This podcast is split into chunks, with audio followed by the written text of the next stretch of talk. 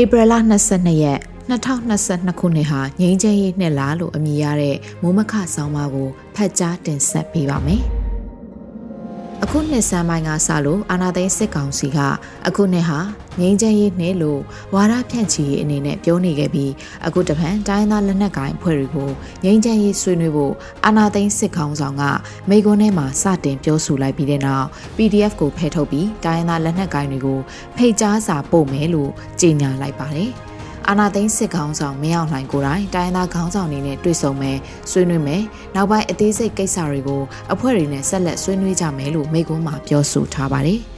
အာနာသိမ့်ပြီးတစ်နှစ်အကြာမှာလက်နက်ကင်တိုက်ခိုက်မှုတွေနိုင်ငံရဲ့နေရာအနှံ့ပြားကျေပြန့်စွာဖြစ်ပွားလာချိန်စစ်ပွဲအသွင်သဏ္ဍာန်သာမကပဲလောက်ကျန်တပ်ဖြတ်မှုဘုံခွဲတိုက်ခိုက်မှုစတဲ့အသွင်သဏ္ဍာန်အမျိုးမျိုးနဲ့လက်နက်ကင်ပြိပက္ခတွေဖြစ်ပွားလာချိန်မှာငြိမ်းချမ်းရေးဆွေးနွေးမယ်လို့စစ်ကောင်စီဘက်ကကမ်းလှမ်းလာတာဟာမဟာဗျူဟာအရငြိမ်းချမ်းရေးဆွေးနွေးလူတာထက်ပရိရဲ့အရလှုပ်ဆောင်လာတာဖြစ်တယ်လို့အများစုကအကဲဖြတ်ကြမှာအမှန်ပဲဖြစ်ပါတယ်။ ပြီးခဲ့တဲ့ NLD အစိုးရလက်ထက်ငြိမ်းချမ်းရေးဆွေးနွေးပွဲတွေမှာတိုင်းသားလက်နက်ကိုင်အဖွဲ့အဖြစ်ငြိမ်းချမ်းရေးဆွေးနွေးပွဲတွေမှာအတိမတ်မပြုဘူးဆိုပြီးဖယ်ထားခဲ့တဲ့ AA ULA TNLA နဲ့ MNDAA လိုမျိုးကိုအခုစစ်အာဏာသိမ်းပြီးနောက်ပိုင်းမှာအတိမတ်ပြုလာတာဟာလဲစစ်တပ်ရဲ့ရှေ့နောက်မညီတဲ့အတိတ်ပဲသတ်မှတ်ချက်တွေဖြစ်ပြီးပရိယေအရာရန်သူများလာတဲ့အခါမျိုးမှာ အခြားဦးစားပေးတိုက်ရမယ့်ရန်သူကိုရင်ဆိုင်လာရတဲ့အခါအရင်ကဆွေးနွေးဘက်လို့သဘောမထားခဲ့တဲ့လက်နက်ကင်အဖွဲ့တွေကိုဆွေးနွေးမယ်လို့ဆိုလာတဲ့သဘောလို့သာကောက်ချက်ချရမှာဖြစ်ပါတယ်။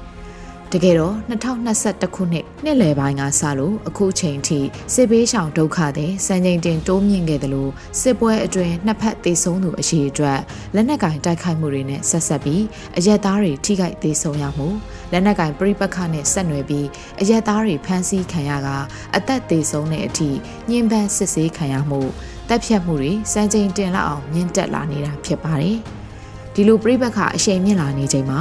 Federal အရေးငြိမ်းချမ်းရေးအတွက်တိုင်းရင်းသားလက်နက်ကိုင်တွေနဲ့တွဲဆုံဆွေးနွေးမယ်ဆိုတာဟာစစ်မျက်နှာအလုံးတပြိုင်တည်းဖွင့်နေရတဲ့အနေအထားမှာစီရေးထွက်ပေါက်ရှာတဲ့သဘောလို့ယူဆရပါတယ်။တိုင်းသားလက်နက်ကိုင်တချို့နဲ့တွဲဖက်လှုပ်ရှားနေတဲ့ဒေသလိုက် PDF တွေကို တိုက်ခိုက်ဖို့လက်နက်မရအောင်လက်နက်အကူအညီတိုင်းသားလက်နက်ကိုင်အဖွဲ့တွေရဲ့ထိန်းချုပ်နေမြေအုံပြုခွင့်တွေကိုပေးနေတဲ့တိုင်းသားလက်နက်ကိုင်တွေကိုအပေးယူလုပ်ဖို့စ조사တဲ့ view ဟာလို့သာနားလည်အကဲဖြတ်ကြတာဖြစ်ပါတယ်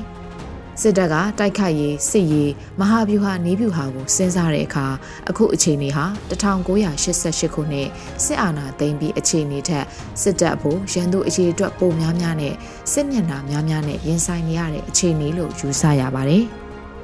88စစ်အာဏာသိမ်းပြီးနောက်မှာအထူးဒေသတွေနာမည်ပေးပြီးတိုင်းသားလက်နက်ကိုင်တွေနဲ့အပြစ်ရဲ့သဘောတူညီချက်တွေတစ်ခုပြီးတစ်ခုပြုလုပ်ခါအဓိကခုခံတိုက်ခိုက်နေတဲ့အာဏာသိမ်းပြီးအစ်စ်ပေါ်လာတဲ့စစ်မြိုင်အစိုးရနဲ့ចောင်းသားတက်ကိုနေရာပေးထားတဲ့ KNU ကိုတိုက်ခိုက်ဖို့လှုံ့ဆော်ခဲ့တဲ့တာရကရှိခဲ့ပါတယ်။ အခုလည်းနိုင်ငံတော်ဝန်တိုင်းသားဒေတာအခြေပြု PDF အဖွဲ့အသစ်တွေမြို့နာမည်နဲ့ဒေတာနာမည်အခြေပြု PDF လက်နက်ကိုင်အဖွဲ့တွေပေါ်ထွက်လာပြီးမြို့ပေါ်ရောကျေးလက်တွေမှာပါစစ်တပ်ကိုအင်အားအကုန်သုံးပြီးဖြန့်ချထားတဲ့အခြေအနေကနေထွက်ပေါက်အနေနဲ့ငြိမ်းချမ်းရေးဆွေးနွေးမှုဆိုတာကိုလှုပ်ဆောင်တာလို့ရေပုံရအားဖြင့်ကောက်ချက်ချရမှာသာဖြစ်ပါတယ်။ တကယ်တော့စစ်အာဏာသိမ်းမှုကနိုင်ငံရေးပြဿနာအသစ်ကိုမွေးထုတ်လိုက်ပြီးအဲ့ဒီပြဿနာကြောင့်လက်နက်ကိုင်အဖွဲ့အသစ်တွေထပ်မံပေါ်ထွက်လာတာဖြစ်လို့နိုင်ငံရေးပြဿနာကိုဖြေရှင်းဖို့ကသာမြန်မာနိုင်ငံရေးအကြက်အတဲရဲ့အဓိကအဖြစ်ဖြစ်ပါတယ်။ PDF နဲ့ EAO လို့အမျိုးအစားခွဲခြားသတ်မှတ်တာဟာနိုင်ငံရေးအရာကိုယ့်ရဲ့ရန်သူတွေကိုအင်အားနည်းအောင်အုပ်စုခွဲသတ်မှတ်ခြင်းသာဖြစ်တယ်လို့